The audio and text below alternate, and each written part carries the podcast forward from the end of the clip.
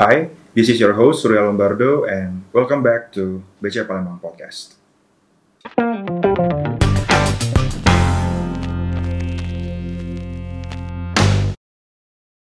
Sumatera Selatan merupakan daerah penghasil kopi terbesar di Indonesia.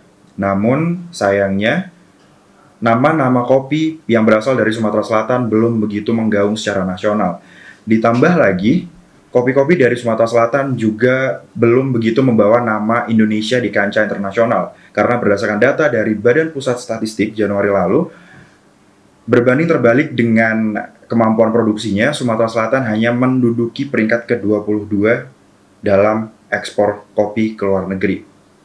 Bagaimana hal itu semua bisa terjadi? Soon, we're gonna find it why. Karena di sebelah saya sudah hadir Duta Kopi Indonesia, sekaligus Ketua Umum Indonesian Coffee Ambassador Forum, Ibu Salama Sri Susanti. Terima kasih, Bu. Selamat datang. Selamat pagi. Selamat pagi, salam kopi Indonesia, kamu dia, kita semua saudara. Ya. ya, jadi Ibu Salama ini merupakan Duta Kopi Indonesia pada Hmm. tahun 2017, 17. Eh, saya rawat sedikit bukan ketua umum karena di dalam eh, Duta Kopi Indonesia tidak ada duta, eh, tidak ada ketua umum, yang ada adalah koordinator. Koordinator. Ya, jadi eh, semacam ada forum kita, semua alumni alumni itu ada koordinator, kebetulan saya yang akan untuk itu. Oke, jadi oke.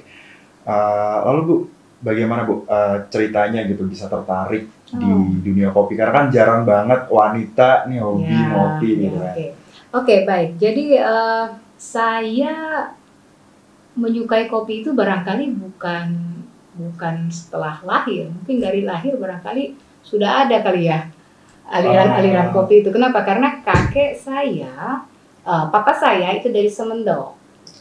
Pulau Panggung. Mama saya dari Karangtanding Jarai, Lahar. Eh, tentunya eh, sebagai anak mereka berdua ini pasti punya orang tua dan kakek-kakeknya itu yang petani. Kita tahu ketahui bahwa eh, Lahar Semendo adalah juga salah satu di antara 12 kabupaten kota di Sumatera Selatan yang juga sebagai penghasil atau produsen kopi. Nah, hari-hari kalau pekerjaan saya adalah sebagai pendamping UMKM, konsultan waktu itu. Mendampingin UMKM-UMKM yang ada di Sumatera Selatan, bagaimana dia bisa ngurusin usahanya, bagaimana kalau ada problem, bagaimana tentang perizinan, bagaimana supaya kemasannya bagus. Jadi itu dulu awalnya. Hmm. Dari situ saya keliling Sumatera Selatan, saya melihat banyak sekali potensi yang bisa kita angkat. Tapi karena saya asli dusun, orang dusun, Oke. orang Semendo Lahat tadi, akhirnya karena ya memang setiap hari kita minum kopi. Oh. Iya, emang minum kopi. Kalau pulang ke dusun pasti sarapannya pakai kopi dulu. Gitu loh. Sarap kopi, nanti ada pisang rebus, pisang goreng, Iya. ada macam-macam ya. Terus eh, akhirnya saya berpikir, eh, kebetulan saya eh, sekolah di luar ya di Jogja ya. Eh, pulang ngelihat oh masih begini lagi nih kopinya di kebun. Terdengarlah macam-macam problemnya, harganya yang murah, yang macam ini, yang macam itu, yang masih eh, belum bisa mencukupi kebutuhan daripada eh, minimal petani ataupun dalam hal ini keluarga-keluarga kita waktu itu masih paceklik, kekurangan atau seperti apa, harga tidak mencukupi gitu loh. Akhirnya saya berpikir apa yang bisa saya bikin gitu untuk daerah saya? Gitu, untuk leluhur saya yang sudah capek-capek eh, menanam atau membudidayakan kopi ini, khususnya di Semendo Malahat tadi. Akhirnya saya eh, fokus 2000 startnya 2009 saya melakukan sendiri perjalanan dengan eh, dua orang teman teman baik saya yang sudah saya anggap keluarga. Di situ ada Mbak Trianti ada juga eh, Mas Hendra namanya Hendra Susanto yang sekarang juga dia menggeluti dunia kopi juga. Lalu eh, kami berjalan. Yuk kita turun ke Semendo turun ke Semendo kemudian kami juga pergi juga ke Pagaralam kami juga pergi ke Lahat. Akhirnya di situ saya bisa menyimpulkan oh begini problemnya. Begini masalahnya. Walaupun itu menurut saya penelitian saya sendiri yang yang menurut saya sangat simpel ya dibanding para penelitian eh, para ahli ya yang profesor doktor mungkin lebih detail. Iya. saya saya harus berbuat tapi saya harus mulai dari mana gitu loh. Nah kalau saya hanya mohon maaf eh, googling atau dengar cerita orang itu kan nggak nggak nggak pas. Akhirnya saya harus ngerasain oh tidur tidur di kebun seperti apa? Oh ngeliatin orang menggiling itu seperti apa? Jadi kita paham gitu. Lihat dia metik di kebun itu seperti apa jadi kita tahu akhirnya eh, saya fokuskan bahwa saya akan eh, stop dengan eh, produk-produk UMKM lain Jadi saya akan fokus di kopi. Nah, peringatan Hari Kopi Dunia. Hari Peringatan Hari Kopi Dunia yang keberapa waktu itu ya? Tahun 2000 eh, 2000 2017. 2017 kalau nggak salah peringatan Hari Kopi Dunia yang kedua kalau nggak salah. Kalau nggak salah ya. Iya. Eh, kalau nggak kedua rasanya. Nah, jadi eh, pada saat itu saya diundang eh, eh, dalam acara barista tentang kopi. Nah, di saat itu ada pengumuman dari teman-teman di Jakarta ngasih tahu, eh, kok Sumsel nggak ngirim eh, apa? Ini ada pemilihan duta kopi nih waktu itu. Oh. Nah, akhirnya saya share ke teman-teman anak-anak pegiat kopi yang yang waktu itu 2017 mulai bertumbuh ya, mulai bertumbuh. Jadi eh, mungkin karena kesibukan atau apa mereka tidak ada yang ikut. Akhirnya saya sendiri yang ikut. mewakili Sumatera Selatan. I- iya, bukan mewakili. Kalau mewakili dalam arti kata izin dengan pe- pemerintah tidak. Saya secara pribadi Secara pribadi. Eh, singkat cerita eh, udah dikurasi akhirnya di nasional itu terpilihlah 18 orang mewakili 18 provinsi di Indonesia mulai Aceh sampai dengan waktu itu sebatas Sulawesi. Di dalam kurasi berapa hari semua kita diajarin tentang perkopian, tentang bagaimana eh, dari mana sumber apa potensi dan dan problem dan semua dan manfaatnya.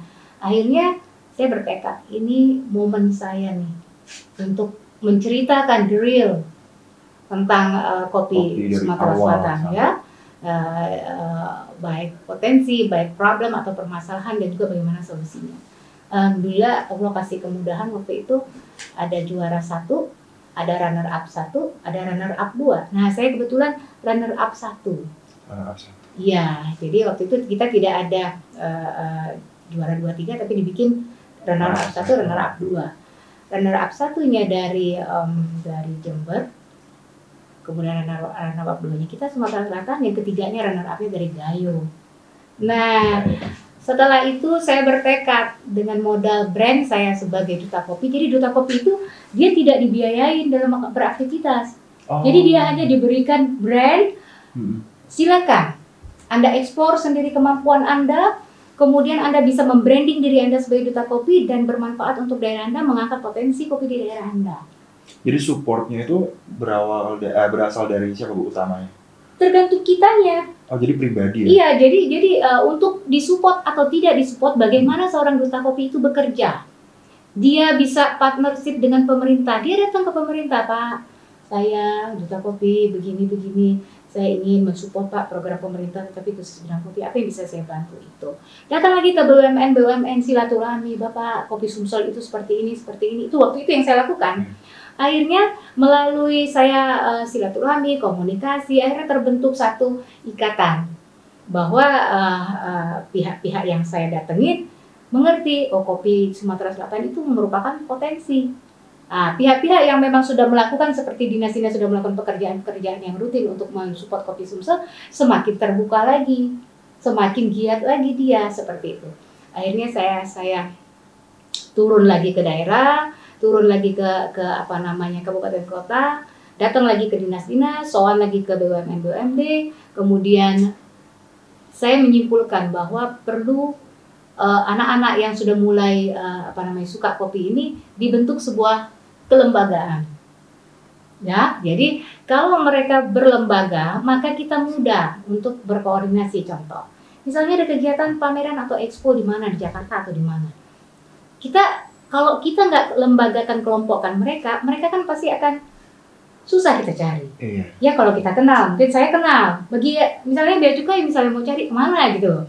Tetapi kalau sudah ada, oh di sini ada komunitas kedai, oh di sini sudah ada komunitas barista, oh di sini ada sudah komunitas kopi bubuk, ya kan? Nah akhirnya kan kita mudah. Ketika ada apa-apa, oh lihat aja siapa salah satu di antara itu kita ajak. Nah itu tujuannya dilembagakan. Dari sana, hmm, terus terus terus terus berbuat banyak event ataupun kegiatan-kegiatan yang kita lakukan dan alhamdulillah sampai seperti hari ini. Jauh. Dari 2011 waktu SEA Games hanya ada beberapa merek kopi. Sekarang udah bukan main banyak sekali. di Sumatera Selatan. Iya, juga. kedai-kedai pun udah banyak banget sekarang bertumbuhan dan saya pikir itu adalah prestasi yang bisa uh, kita apa namanya kita banggakan untuk Sumatera Selatan bahwa sumber daya manusia anak-anak muda terutama yang milenial terutama yang yang emang dia cinta sama kopi ini care dengan kopi. Jadi ini permulaan awal untuk bangkitnya kopi Sumatera Selatan kembali. Karena waktu tahun-tahun sebelumnya ekspor kita megang banget. Kopi kita waktu masih AEKI masih hidup, Asosiasi Ekspor di Kopi masih hidup, masih eksis, bukan main berlimpah. Bisa dibanggakan. Tapi setelah sekian lama akhirnya pudar, pudar, pudar, akhirnya melemah lagi, istilah kata gaung kopi tadi hanya di Ya. kalangan tertentu aja. Dan eh, sekarang setelah apa namanya kita giatkan lagi bertumbuhan lagi. Dan tentunya bukan faktor dari kita saja, ada faktor-faktor luar juga eksternal juga menentukan. Seperti itu. Oke. Kemudian untuk produksi kopi di Indonesia itu menurut Ibu Salma gimana? Apakah sudah bisa mencukupi Untuk kebutuhan dunia, eh, untuk kebutuhan dalam negeri dulu? oke dalam negeri. Kalau untuk dalam negeri, saya pikir kalau eh, Indonesia kan luas kebunnya 1,3 juta hektar. Perkebunan kopi. Iya, bukan perkebunan salah ya. Kalau perkebunan itu dimanage oleh perusahaan dalam satu ini. Indonesia hampir rata-rata kebun kopinya mandiri dikelola oleh rakyat, oleh petaninya. Perkebunan rakyat. Iya, jadi bukan ya arti kata bukan perkebunan rakyat, arti kata milik rakyat gitu. Milik perkebunan yang dikelola oleh rakyat sendiri, milik dia sendiri. Hampir rata-rata petani di Indonesia itu minimal punya kebun, ada yang punya kebun, ada yang juga yang bekerja di kebun. Hmm. Ya kan? Nah, tetapi eh, dengan luas 1,3 juta hektar itu kita seharusnya bisa eh, eh, mempunyai produksi yang tinggi. Tapi pada kenyataannya hanya sekitar 600 600 apa namanya? 600 ribu ton ya. 600 oh no, 600 kilo per satu hektar. 600 kg. Iya, sedangkan tetangga kita Brazil atau Vietnam dia bisa sampai berapa ton, sedangkan kita baru 600 kilo per hektar. Ini hitungan per hektar ya. Nah, jadi eh, dari situ dari eh, kalau kalau aja satu hektar lebih kurang 600 kilo, eh, kalau kita kalikan dengan luas 1,3, nah seperti itulah kira-kira jumlah produksi kita. Kembali lagi tentunya ini tidak tidak fix ya angka ini, bisa jadi ada yang lebih, ini hanya mayoritasnya. Bisa jadi satu daerah satu hektar dia bisa satu ton, bisa jadi juga ada yang kurang di sana. Tapi ini saya ambil rata-rata mayoritasnya seperti itu. Dan untuk memenuhi kebutuhan konsumsi lokal, saya pikir kalau dikelola dengan baik ini sangat bisa sekali, sangat Hmm. mencukupi. Apalagi sekarang kita lihat eh, konsumsi eh, negara-negara berkembang atau negara-negara penghasil kopi ini kan terjadi terjadi pergeseran. Kalau dulu negara-negara penghasil kopi hanya menjual kopinya keluar, sekarang tidak. Mereka banyak banyak menggunakan untuk negaranya sendiri. Anak-anak mudanya minum, bangga dengan kopi di daerahnya sendiri seperti itu. Karena sekarang juga ada banyak banget kedai-kedai baru. Iya, kopi nah, baru. Nah, itu pun tidak luput dari kita Sumatera Selatan. Kedai bertumbuhan, anak-anak mulai oh pengen jadi profesi jadi barista bangga banget kalau dia menggunakan Iya. apron gitu ya terus bangga banget kalau dia udah jongkok Bisa. terus selfie dia mungkin di kedai nah ini ini adalah uh, satu uh, semangat yang memang kita saya juga sebagai duta kopi ini harus terus mendorong mendorong gitu loh sehingga ketika didorong insya Allah ini akan memberikan efek yang sangat baik sekali bagi perkembangan uh, kebutuhan kopi lokal kita dan meningkatkan uh, apa namanya penjualan di kalangan petani sendiri. Kemudian kalau untuk khususnya di Sumatera Selatan, Bu. Hmm. Sumatera Selatan itu produksi kopinya kalau di Indonesia kan eh, menyumbang sangat besar gitu. Oke. Termasuk yang Hampir 22 persen ya. hampir 22 persen. Iya. Apa yang mau ditanya kalau Nah, Sumatera Selatan? Itu apa namanya eh, bagaimana ceritanya bisa ekspornya itu Turun. kecil gitu ya? Jauh, oke. Ini be- orang bea cukai ya. Kasih lebih detail ya. Iya. Jadi saya akan menjawab sesuai kemampuan saya ya. Tapi Iya. apabila memang uh, kekurangan, kurang atau apa mungkin bisa Iya. di luar. Jadi hemat saya setelah saya uh, bergelut dengan kopi ini bahwa Sumatera Selatan betul di dalam data 250 ribu hektar luas kebunnya. Terluas lah kalau untuk areal kebun yang ada di Indonesia. Kemudian kalau kita kulik ke, lebih lebih jauh lagi ke dalam, saya bisa eh, mengatakan bahwa 12 kabupaten kota di Sumatera Selatan itu menghasilkan kopi. Kopinya ada Arabica, ada Robusta, kemudian ada Liberica. Kalau Arabica itu adanya di Semendo, yang paling populernya di Semendo. Kemudian selebihnya semua 12 kabupaten kota, eh, hampir 10 kabupaten kota punya Robusta dan dua kabupaten kota lainnya seperti Empat Lawang dan juga eh, Banyu Asin itu mereka mencoba untuk fokus kepada Liberica. Liberica ini kan baru ya tumbuh ya.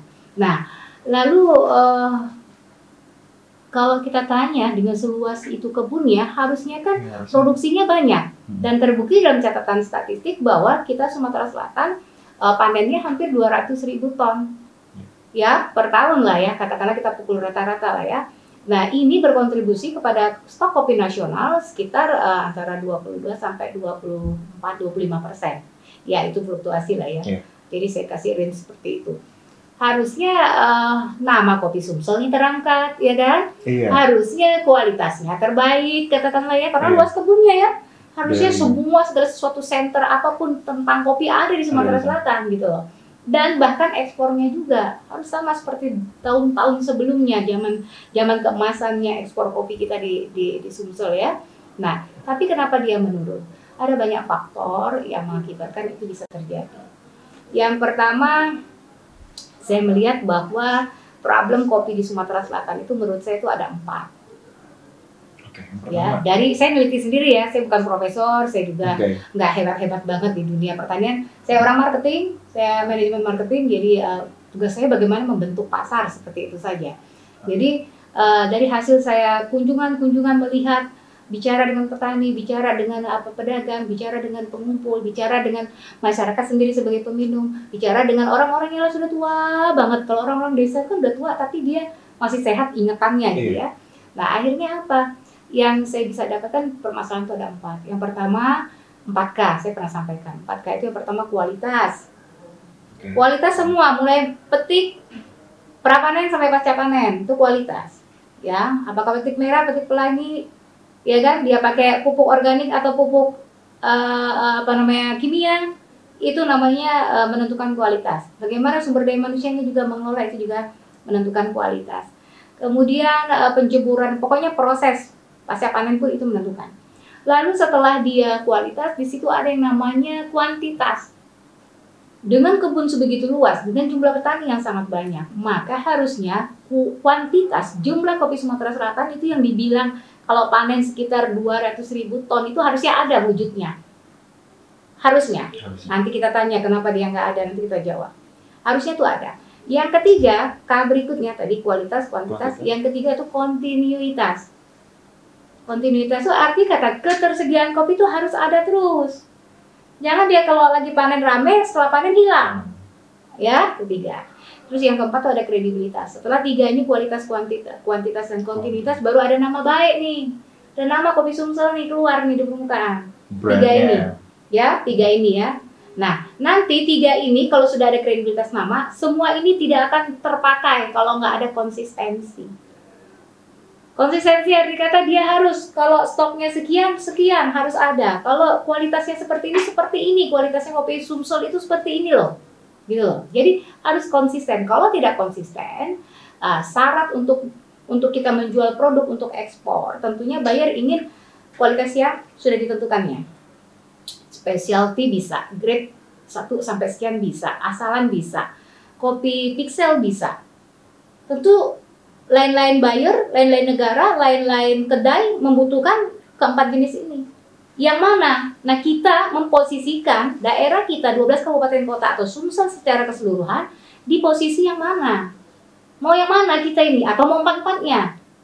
Atau mau dibagi? Oh, tiga daerah ini untuk yang specialty. Oh, yang ini untuk yang asalan. Oh, harusnya seperti itu, di manage dengan baik. Kalau kita ingin tahu apa namanya, eh, kalau kita ingin memenuhi eh, salah satu bagian dari unsur kenapa kita harus ekspor kopi itu tadi. Kemudian eh, apa namanya kualitas dia dari kualitas. Kemudian dari kuantitas. Kalau dia panen jumlahnya sekian, nah kita harus bisa memapping dulu mapping. Mapping tentunya bukan satu orang yang mapping. Per daerah itu harus dikoordinasi, dikoordinir gitu, di mapping. Ini panen mau ke mana? Apakah dikonsumsi konsumsi sendiri? Apakah mau dibikin kopi bubuk? Apakah mau dijual ke kedai-kedai? Atau mau dikirim ke misalnya ke luar negeri atau ke mana? Ini harus di mapping. Jadi petani itu nggak bisa dibiarin sendiri, harus didampingin gitu. loh. Nah, kalaupun juga dia dia eh, sulit untuk didampingin, ya apa boleh buat? Akhirnya akan selalu seperti ini. Nah, lalu kemudian ada lagi yang namanya tadi sudah kualitas, kuantitas, kontinuitas. Kalau sudah kualitas bagus, kuantitas bagus, ketersediaan itu harus ada karena buyer rata-rata yang minta kedai kalau minta itu rutin. Saya mau speknya seperti ini kata kedai karena untuk keperluan saya membuat kopi ini maka saya butuh kopi arabica petik merah setiap bulan sekian. Lo harus ada barangnya. Kalau enggak dia beli drop sekalian berapa berapa ratus kilo gitu loh. Itu untuk stok. Karena kalau menjual satu satu menu kalau nggak ada stoknya susah dia cari-cari lagi toh. Iya. Nah, Jadinya sama seperti sama seperti buyer. Buyer pun begitu. Eh, tolong dong eh, eh, si A, saya mau ambil kopi dari daerahmu, kabupatenmu eh, dengan spek seperti ini. Setiap bulan saya butuh dua kontainer, bisa nggak dengan spek yang sama? Setiap bulan buyer mana mau sekali beli?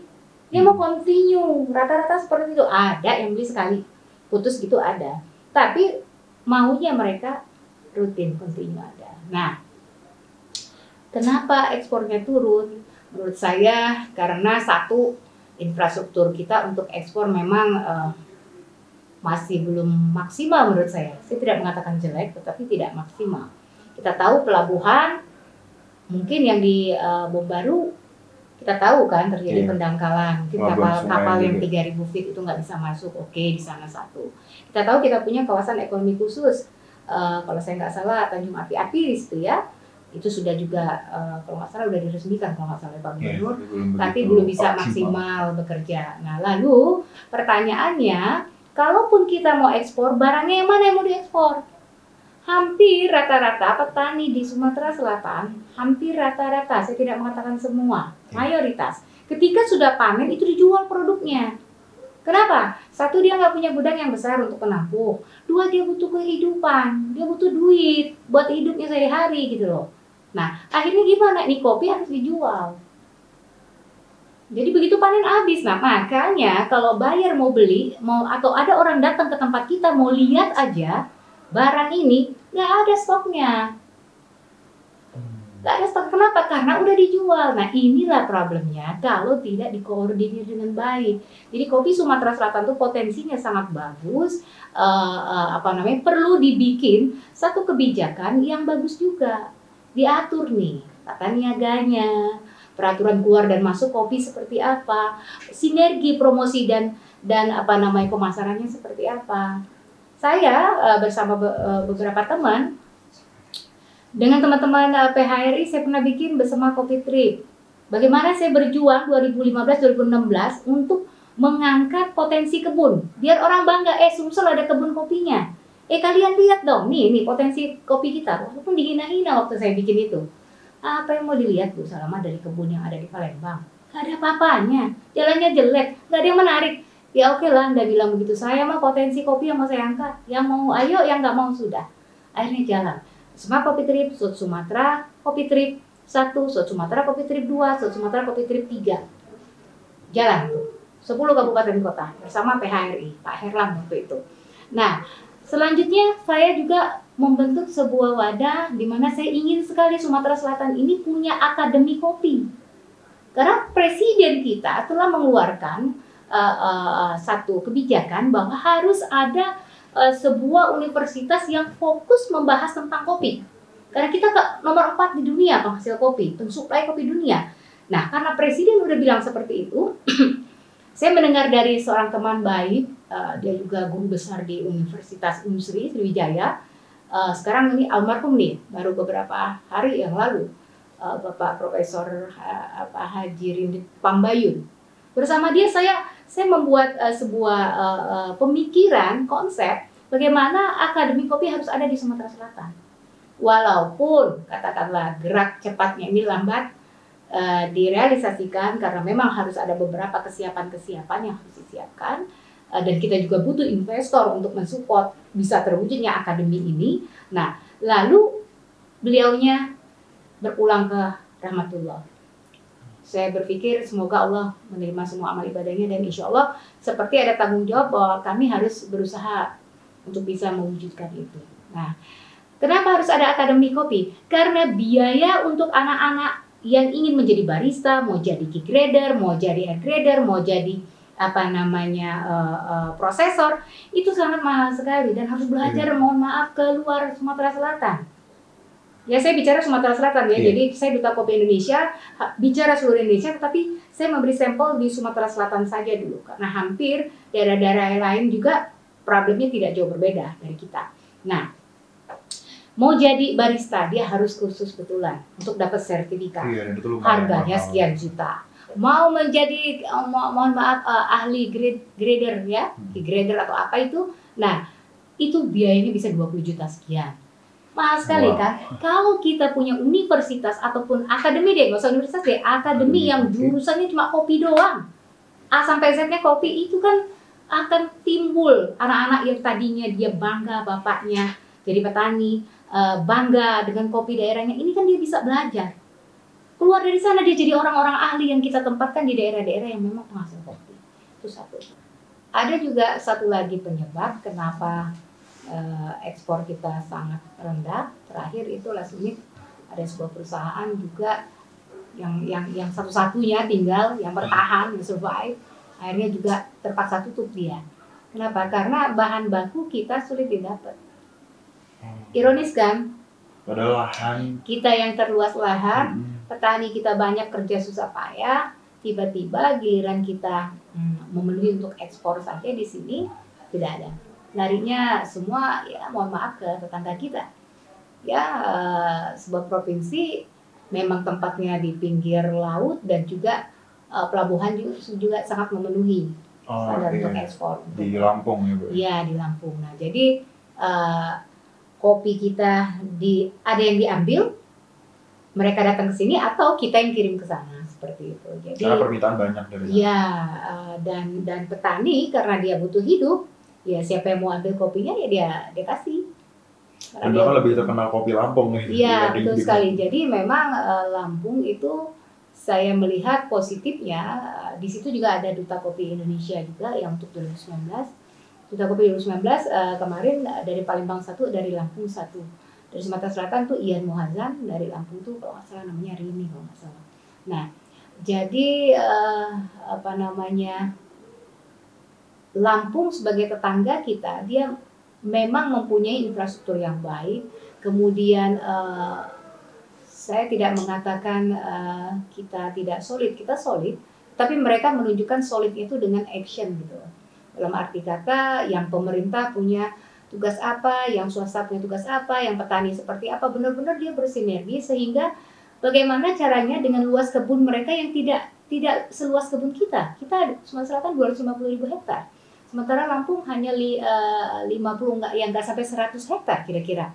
Tapi dia produktivitasnya itu bisa berapa digit lah satu atau dua digit dari kita Sumatera Selatan. Nah, karena infrastruktur bagus, si petani ya udah akhirnya para pengumpul atau apa ya dia kirimnya ke sana. Satu mungkin ada yang perlu menjadi catatan, mungkin biaya kirim melalui uh, port Lampung lebih lebih murah ya ketimbang dari portnya yang ada di Palembang. Gitu. Jadi memang ini yang harus sama-sama kita pikirkan kalau kita memang ingin ekspor di Palembang atau Sumatera Selatan harus ada kebijakan yang paling tidak biaya untuk kirim eh, angkut atau kopi atau seperti apa yang melalui Palembang itu sedikit minimal sama lah seperti yang ada di Iya. Lampung gitu. Jadi tidak ada selisihnya yang lebih tinggi. Kemudian juga kita harus benahi juga bagaimana pemerintah benar-benar eh, apa namanya eh, saya tidak katakan eh, mereka melakukan sendiri atau menunjuk lembaga, tetapi benar-benar uh, membuat apa ya satuan kerja yang benar-benar bagaimana nih kebunnya, bagaimana bahan bakunya, bagaimana pasca panennya, bagaimana uh, promosinya, bagaimana pasarnya. Ini harus sama-sama bagi tugasnya gitu loh. Jangan tumpang tindih, jangan berebutan gitu loh. Jadi uh, bekerja juga mungkin uh, apa ya?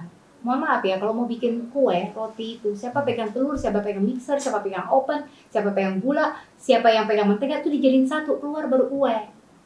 Tapi kalau semua mau pegang mixer, mixer, mixer, mixer, ini enggak jadi nih barang gitu. Jadi belum sistematis. Nah, gitu, jadi jadi kalau memang kalau Gubernur Sumatera Selatan ini saya melihat Pak Deru dia fokusnya memang di pertanian. Hmm. Pertama kali dia eh, eh, apa namanya dilantik, saya menghadap beliau melaporkan kondisi Sumatera Selatan dan juga saya menya- menyampaikan bahwa saya kebetulan diamanahkan menjadi duta kopi. Apa Pak yang saya, saya bisa bantu untuk membantu program eh, pemerintah Provinsi Sumatera Selatan.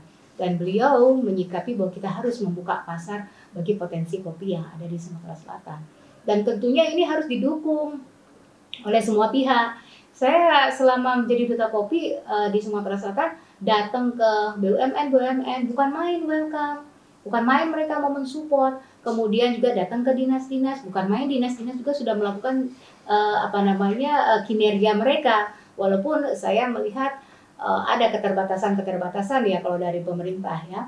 Nah, ini harusnya bersinergi sama-sama, merumuskan bersama-sama.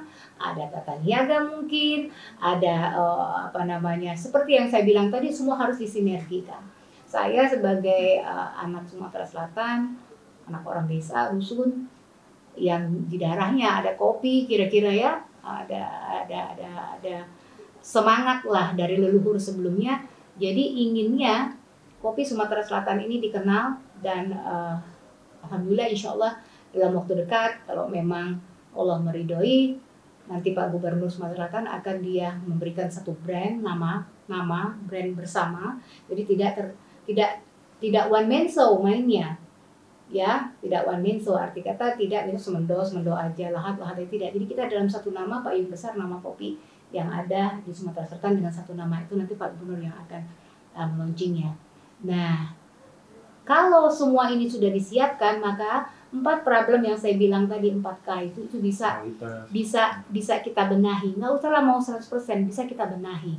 Paling tidak kecil-kecil kita bisa membudidayakan uh, bukan membudidayakan me, memasyarakatkan kopi di daerah kita sendiri. Kita tanya di rumah kita ada kopi di daerah mana? Kalau masih Anda minum mohon maaf masih kopi dari uh, merek ini merek itu yang bukan punya kita dari Semendol Lahat Padaran sudahlah. Anda tidak ikut berperan mengangkat potensi daerah Anda. Jadi harus bela beli dan minum kopi Sumatera Selatan gitu loh. Bangga terhadap harus bangga gitu. Jadi kalau kita membeli mengkonsumsi maka petani kopinya terbeli tingkat pendapatan kesejahteraannya bertumbuh.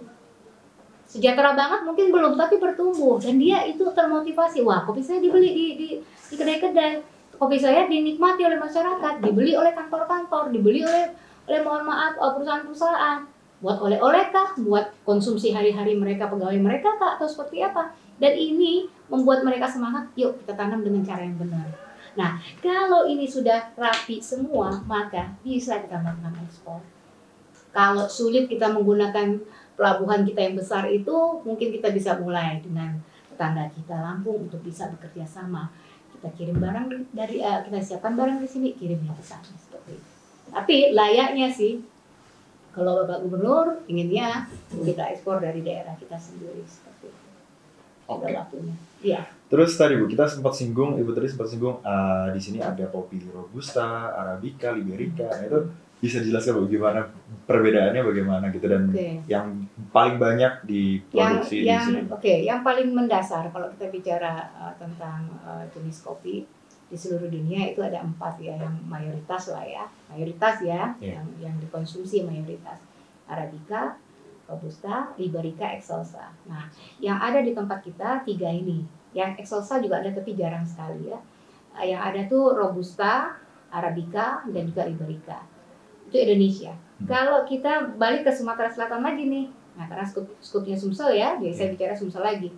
Kita punya tiga jenis ini di 12 kabupaten kota dengan uh, uh, apa namanya uh, uh, apa namanya kondisi realnya ya kondisi realnya Arabica itu ada di Semendo kemudian Robusta lainnya ada di lebih kurang 10 kabupaten kota kemudian uh, dua kabupaten kota lainnya menurut saya yang dari penilaian penelitian saya sendiri ada Liberica dan uh, dua kabupaten kota ini adalah Empat Lawang dan juga Banyuasin yang mencoba menanam Liberica.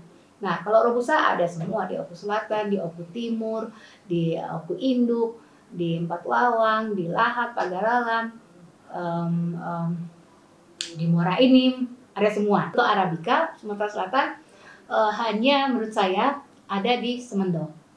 Walaupun daerah lain seperti Lahat Pagara mencoba untuk menanam seperti itu. Kalau perbedaannya ya ini ibu sudah boleh bawa kopinya. Keluarin bijinya. Bisa nggak keluarin biji? Satu-satu aja. Tak, tak. Nah, Itu yang kamu pegang, itu kopi Ini. Arabica. Arabica. Yang ini Robusta. Ya. Kalau secara fisik, kalau eh, coba lihat. Kalau secara fisik Nah, ini Arabica. Kalau secara fisik Arabica bentuknya lonjong, lebih besar, kemudian Oke. pipi. Pipi. Ini yang Arabica. ini? Iya, Ini, pipi. gini. Jadi dia lonjong, ya, lonjong agak besar dan pipi, ya. Nah, sementara yang robusta, ini robusta, bentuknya bulat, bentuknya bulat dan bodinya full. Kalau Arabica tadi pipi kan? Iya. Nah, kalau ini bodinya full. Kalau kita ngelihat sekali lewat, kalau dia udah dibikin uh, proses mungkin natural wash mungkin, kalau yang em, Arabica warnanya sedikit agak agak hijau ya, agak deep deep deep green lah ya, tapi nggak terlalu hijau, tua, banget. ya. Iya seperti itu bisa kita bedakan. Sedangkan kalau yang uh, robusta dia warnanya sedikit agak agak agak terang ya, kayak gitu kayak agak uh, lebih ke krem krem natural seperti itu. Nah kalau kita bicara tentang altitude ketinggiannya, uh, saya saya nggak bawa contoh Liberica. Oke. Karena Liberica memang uh, masih agak sulit ya untuk saya bisa menemukan binnya. Kalau di kedai ada jualnya, tapi kalau binnya uh, saya minta disuplai lagi, tapi belum datang lagi. Nah, jadi kalau Liberica dia lebih pipih dan lonjong. Jadi atasnya itu kayak kerucut gitu. Jadi kayak apa ya kalau saya lihat gambar itu kayak Oh nanti kita masukin. Iya, kayak siput begitu ya, sud gitu lah. Kalau ini eh, lonjong dan pipi, kalau ini dia bulat dan bodinya penuh, kalau yang Liberica dia eh, apa? Mengerucut. lebih cirinya ujungnya itu agak agak agak apa ya? Kerucut lah seperti itulah. Jadi itu kalau dari eh, tampilan bijinya. Kalau dari altitude ketinggian nanamnya, kalau robusta dia ditanam bisa di daerah 600 sampai 1000. 600 mdpl sampai dengan 1000. Kalau arabica start dari 700 sampai dengan 1400 500 ke atas. Ya. Kemudian kalau liberica dia mulai dari 400 sampai 0 mdpl. Jadi daerah Hmm. yang gambut, daerah yang eh, semi-semi semi-semi apa rawa-rawa gitu asal jangan terlalu banyak air itu bisa ditanam untuk liberica. Kalau Nah. untuk rasanya, Kalau rasanya kalau robusta dia lebih ke nutty, jadi ada rasa kayak kalau kita aftertaste-nya di ujung tuh ada rasa kayak kacang-kacangan gitu. Kalau ini lebih pada fruity, dia lebih uh, agak-agak manis kalau arabica. Kenapa? Karena dia ditanam di ketinggian. Kalau semakin tinggi kita nanam uh, uh, kopi, dia rasanya lebih kepada fruity, manis dia. Nah, kemudian kalau dari uh, kalau dibikin apa namanya uh, minuman, kira-kira kalau ini agak sedikit asam rasanya, ya asam ke manis. Kalau ini lebih kepada pahit dan juga di ini ada rasa kayak kacang-kacangan seperti itu. Kemudian kalau kafein yang robusta dia lebih tinggi high, kalau yang arabica dia lebih low. Ini biasa kalau arabica anak-anak cewek yang suka minum. Kalau ini kan pahit banget. Emang kalau robusta itu apalagi yang pekat itu espresso, emang orang yang master-masternya itu yang minum itu.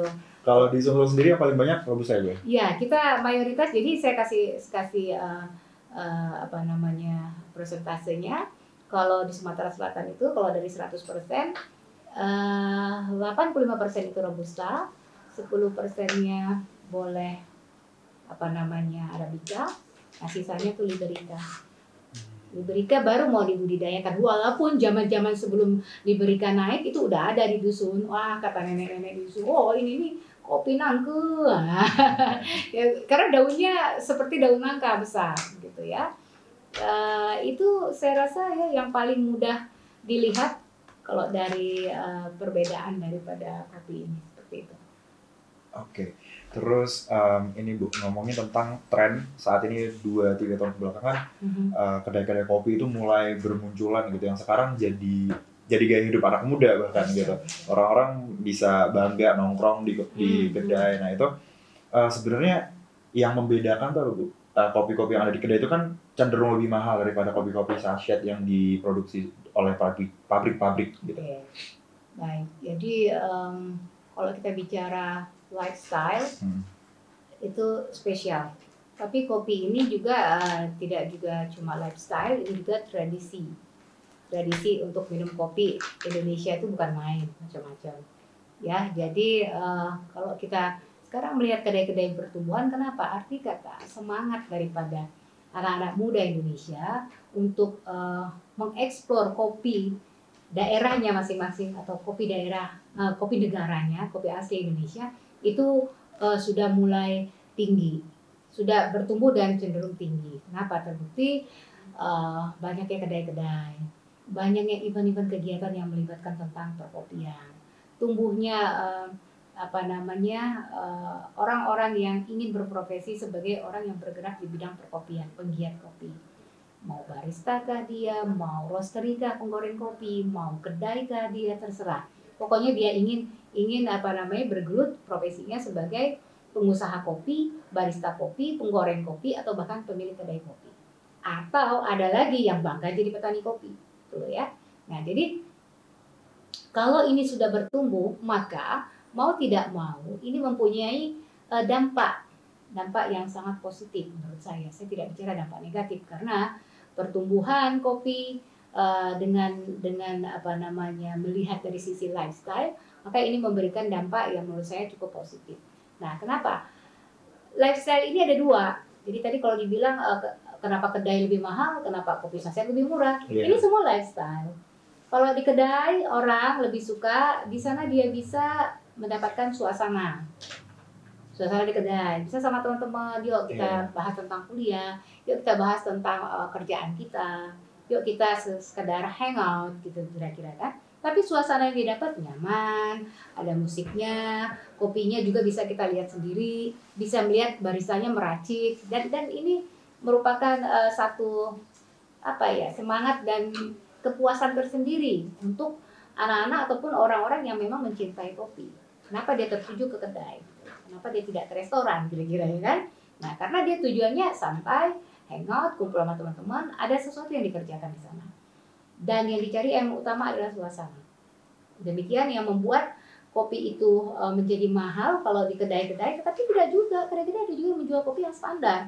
Tapi kalau memang kopi yang menggunakan kopi berkualitas, contoh dengan menggunakan kopi Arabica yang grade 1 mungkin, kemudian dengan proses yang menggunakan alat-alat yang membutuhkan keahlian barista, mungkin dia dikasih harga yang menurut saya sudah pantas seperti itu.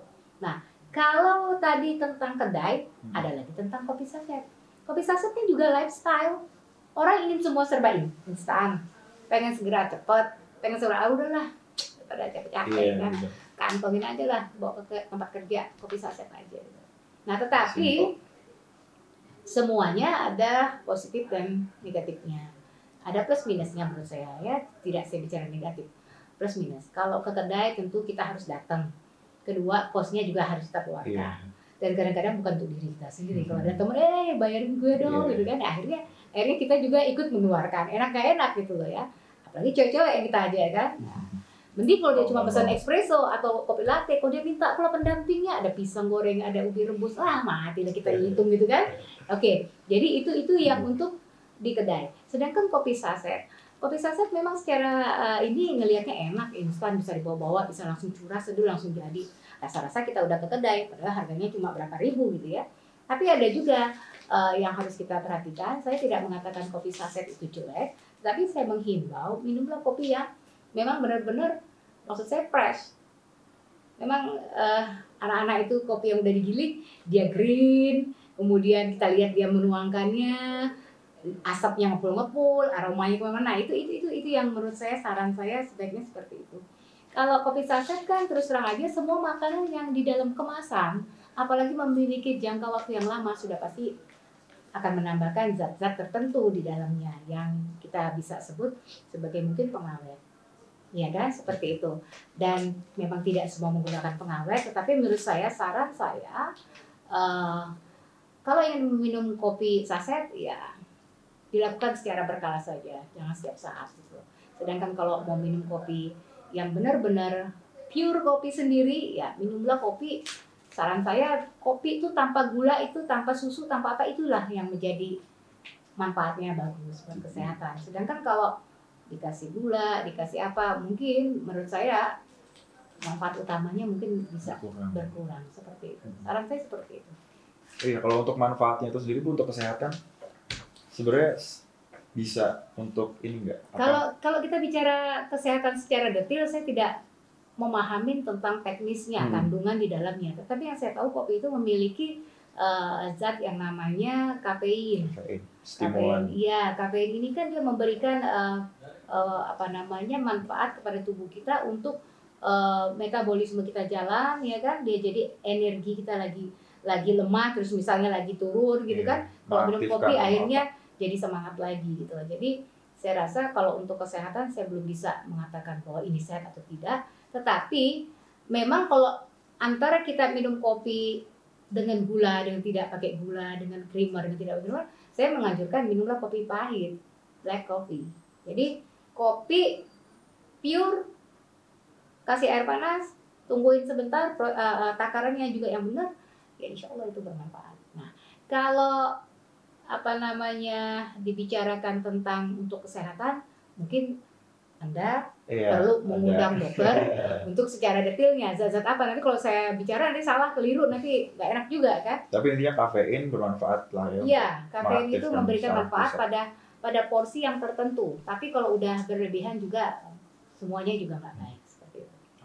Lalu ada nggak bu waktu waktu tertentu yang paling baik untuk mengkonsumsi kopi atau mungkin bisa dikonsumsi kapan aja dan Hmm. beda gitu efeknya? iya kopi itu tergantung sama penikmatnya tergantung pada siapa yang minum kalau dia emang minum maunya malam ya minumlah malam kalau dia memang kebutuhannya dia minumnya pagi hari bangun tidur dia lesu atau lemas atau seperti apa dia pengen ngopi dia ngerasakan fresh ya silakan aja tetapi dianjurkan minum kopi itu di jam-jam yang memang sudah eh, eh, menurut para ahlinya mungkin ya ahli kesehatan mungkin eh, eh, bisa di jam 9.30 11.30 13.30 dan juga jam 5 sore. Nah, di jam-jam itu kalau kita semua tahu bahwa itulah jam-jam kita melakukan coffee break. Jam-jam ada kritis. istilah coffee break itu ya, ada ada istilah coffee break itu berangkat dari bahwa pada saat jam-jam eh, yang tadi disebutkan itu energi kita ataupun eh, mungkin ada kandungan yang membuat tubuh kita ini eh, adrena- adrenalin adrenalin kita aktif kemudian jadi turun ya kan? Harus di didongkrak lagi itulah menggunakan eh, minum kopi, Kopi. seperti itu. Makanya ada istilah coffee break.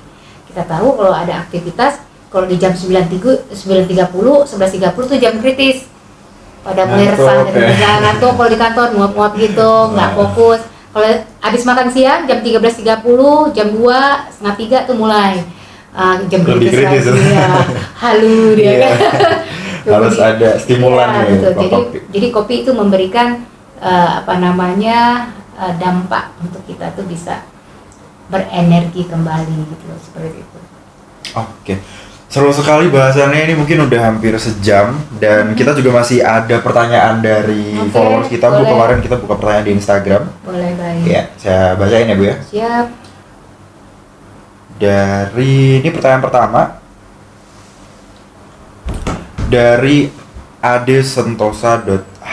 Hmm. Ya, pertanyaan, ada dua pertanyaan Bu. Yang pertama, kenapa petani kita lebih suka menanam kopi jenis robusta dibanding Oke. arabica? Padahal dari segi kualitas di kancah internasional, kopi robusta cenderung lebih kurang diminati dibandingkan dengan kopi arabica. Oke baik. Pertanyaan yang baik sekali, Mbak Ade tadi namanya ya, Eh, mas, Mas Ade. Ya, Oke. Ade. Jadi eh, Mas Ade mengamati sekali, berarti eh, pecinta kopi juga Iya, sudah tampaknya. bisa membuat eh, apa, analisis ya, analisa kenapa kita lebih suka nanam robusta daripada arabica. Padahal arabica harganya mungkin eh, lebih tinggi daripada si robusta. Saya kasih tahu, kalau kita bicara, eh, saya nggak tahu dia bertanya skup Indonesia atau atau Sumatera Selatan ya. Hmm. Nah, jadi saya mungkin bisa jelaskan Sumatera, Selatan, Selatan. dulu. Eh, bisa juga secara Indonesia ya. Eh, Indonesia itu kan eh, daerah-daerahnya kan banyak ya. Ada yang memang dia untuk khusus kalau di daerah ketinggian dia nanamnya arabica seperti Gayo, eh, Flores, ya, Wamena, daerah yang tinggi-tinggi gitu ya. Dan juga beberapa tempat lainnya. Eh, ada juga yang memang eh, saya bilang tadi yang altitude-nya antara 700 sampai dengan 1000 atau 600 sampai 1000 itu dia harus menanam eh, robusta juga gitu. Di antara altitude yang eh, mulai 600 sampai dengan 1000 sekian bukan berarti kalau di di eh, di lahan eh, 700 sampai 1000 sekian itu robusta tidak bisa ditanam bisa, tetapi hasilnya nggak maksimal. Bukan berarti arabica nggak bisa ditanam di daerah 1000 sampai sampai eh, 800 misalnya ke bawah. Bukan nggak bisa, bisa, tapi Ini hasilnya nggak maksimal. Ya rasanya juga mungkin ini. Makanya dibuat eh, eh, range bahwa kalau arabica 700 sampai 1000 ke atas, kemudian kalau robusta itu mulai dari 600 sampai 1000, bisa 1100 juga. Kemudian kalau liberica itu mulai 0 mdpl sampai dengan 400 mdpl. Nah, kenapa arabica lebih lebih tinggi harganya? Kenapa orang lebih suka nanam robusta? Nah, saya jelaskan dulu kenapa orang lebih suka nanam robusta. Robusta ini kopi yang memiliki tingkat eh, budidaya atau pemeliharaan ketika di treatment atau ditanam di kebun sangat mudah. Ditanam dibiarin gitu aja udah hidup dia. Tapi kalau arabica enggak, arabica dia rentan terhadap hama, terhadap penyakit. Dulu di zaman Belanda nih di, hampir semua ditanam, tapi kenapa dia punah? Karena kita diserang oleh hama. Akhirnya gagal panen. Akhirnya gagal. Akhirnya sejak itu karena tingkat pemeliharaan budidayanya agak sulit dibandingkan dengan robusta, maka robusta robusta ini belum lama lebih kurang kalau 100 tahun ke belakang ini dia baru ditemukan. Kalau zaman-zaman sufi-sufi zaman dulu di Yemen Selatan Ethiopia ini ini dulu yang di ini di, di apa namanya di, ditanam yang ditemukan orang gitu loh. Nah, Kenapa kita lebih memilih robusta? Yaitu tadi mudah perawatannya, kemudian juga eh, eh, apa namanya? Memang daerah kita hampir kalau Sumatera Selatan saya katakan lahannya memenuhi syarat untuk robusta seperti itu. Kalau bicara tentang harga, saya pikir kalau arabica itu memang mayoritas diminatin oleh orang. Kenapa? Orang eh, Eropa luar negeri terutama menyukai arabica.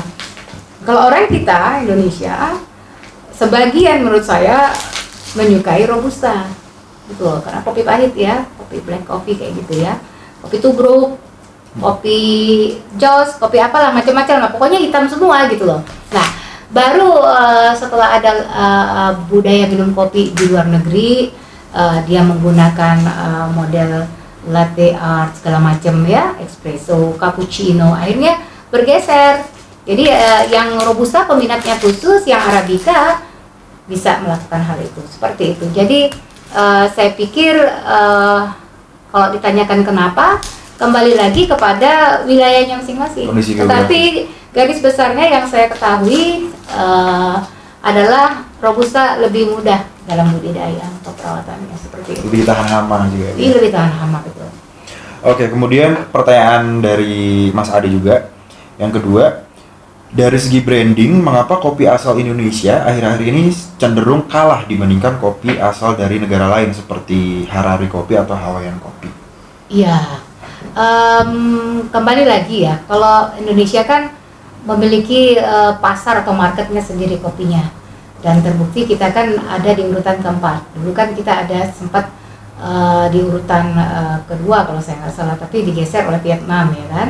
Nah jadi eh, kenapa kopi kita? Saya nggak juga mengatakan bahwa kalah ya brandnya, karena market itu kan punya sendiri-sendiri market ya. Iya, selera. eh, iya, jadi eh, eh, macam-macam sih. Ada yang pabrikan yang butuh, ada memang negara satu negara membutuhkan untuk konsumsi di wilayahnya. Ada mungkin dia punya eh, eh, apa namanya kedai yang sangat besar ya, seperti yang kita tahu ada salah satu merek yang besar yang memang ada di mana-mana. Saya nggak usah sebut kan nanti jadi promosi juga. Iya, iya. Nah, kalau dibandingkan dengan yang tadi, saya pikir ini ini ini baru menurut saya.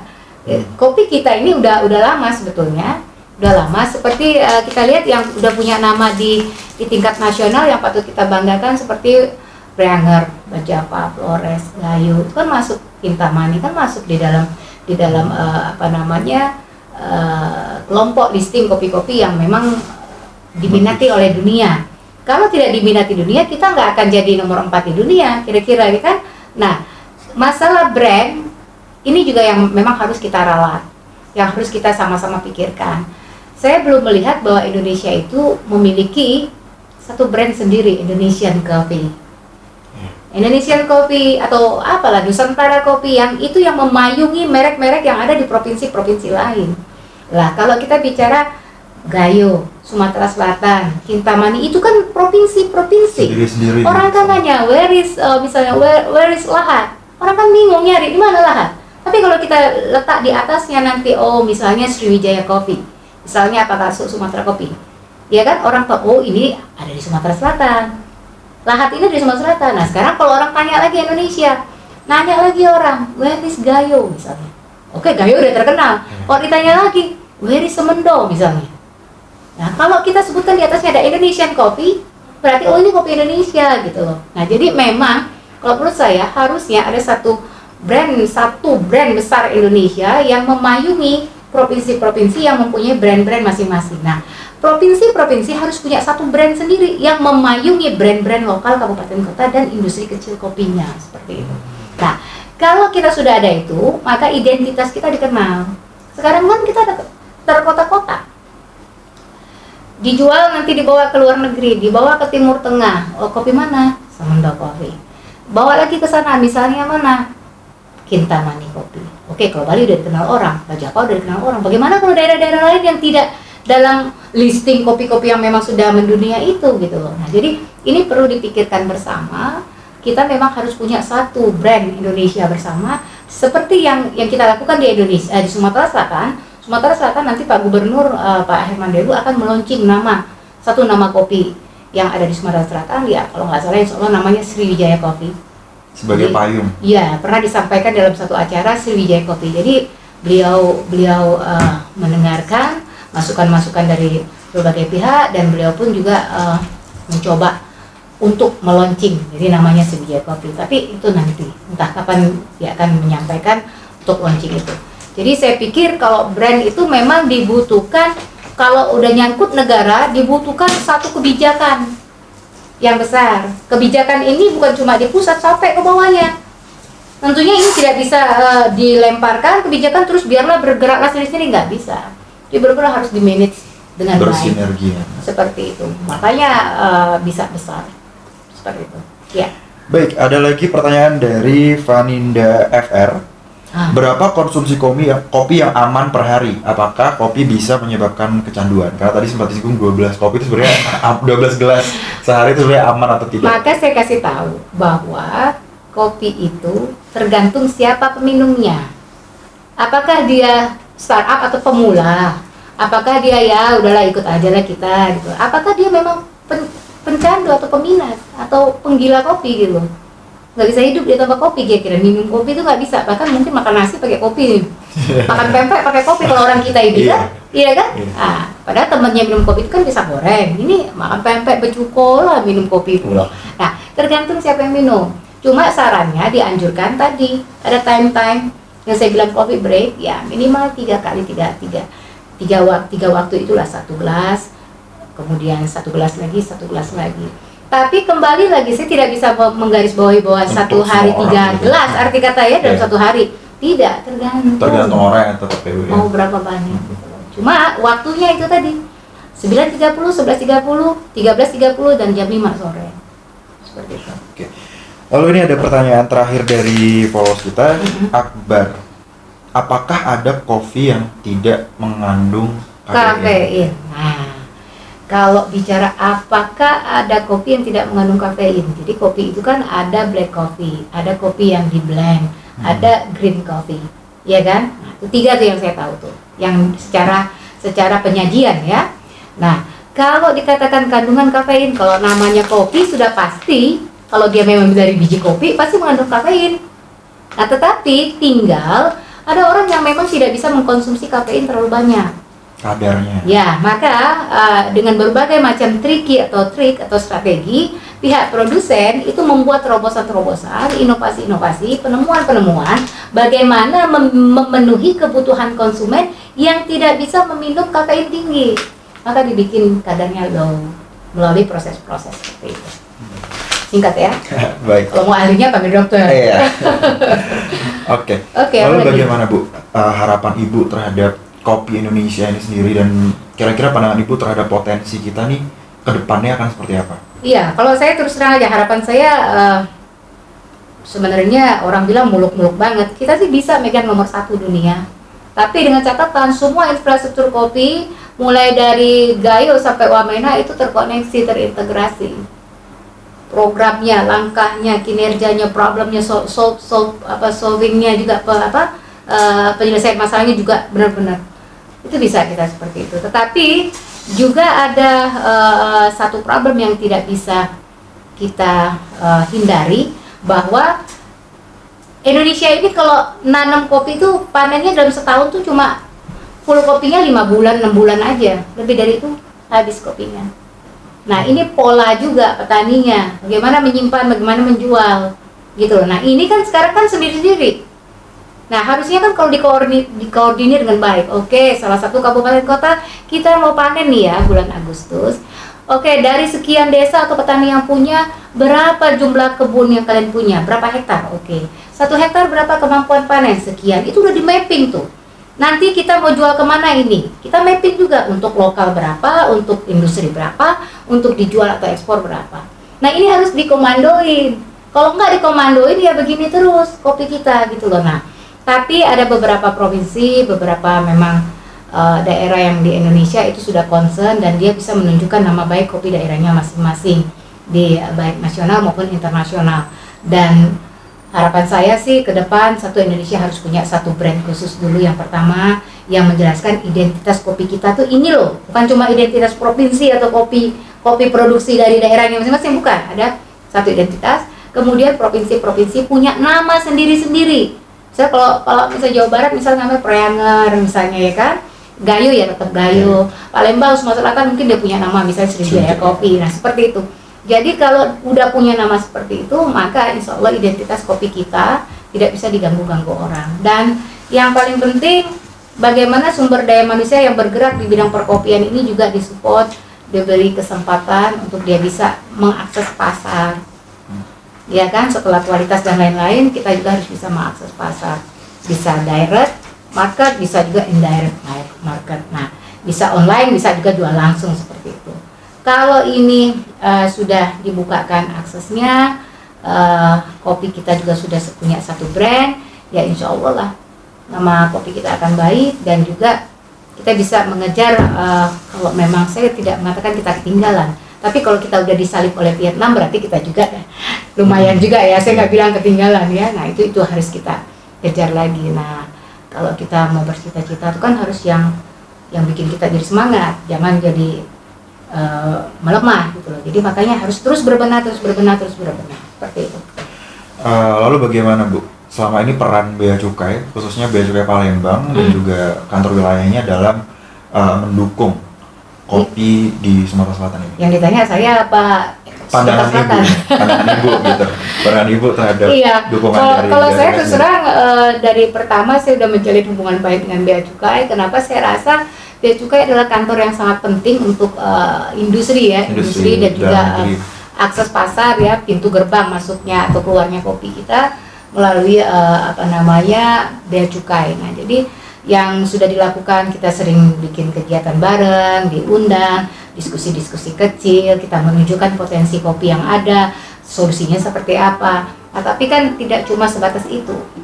Banyak yang harus kita bahas bareng-bareng lagi. Tapi intinya yang dilakukan Bea Cukai Palembang, Sumatera Selatan khususnya sudah sangat baik. Dan uh, harapan kami dalam waktu dekat kalau memang memungkinkan ekspor kita ekspor, walaupun harus menggunakan pelabuhan lain dulu, tapi kita harus melakukan itu. Harus harus kembali seperti dahulu lagi. Baik, sangat ya. menarik dan lumayan panjang juga. Ya, okay.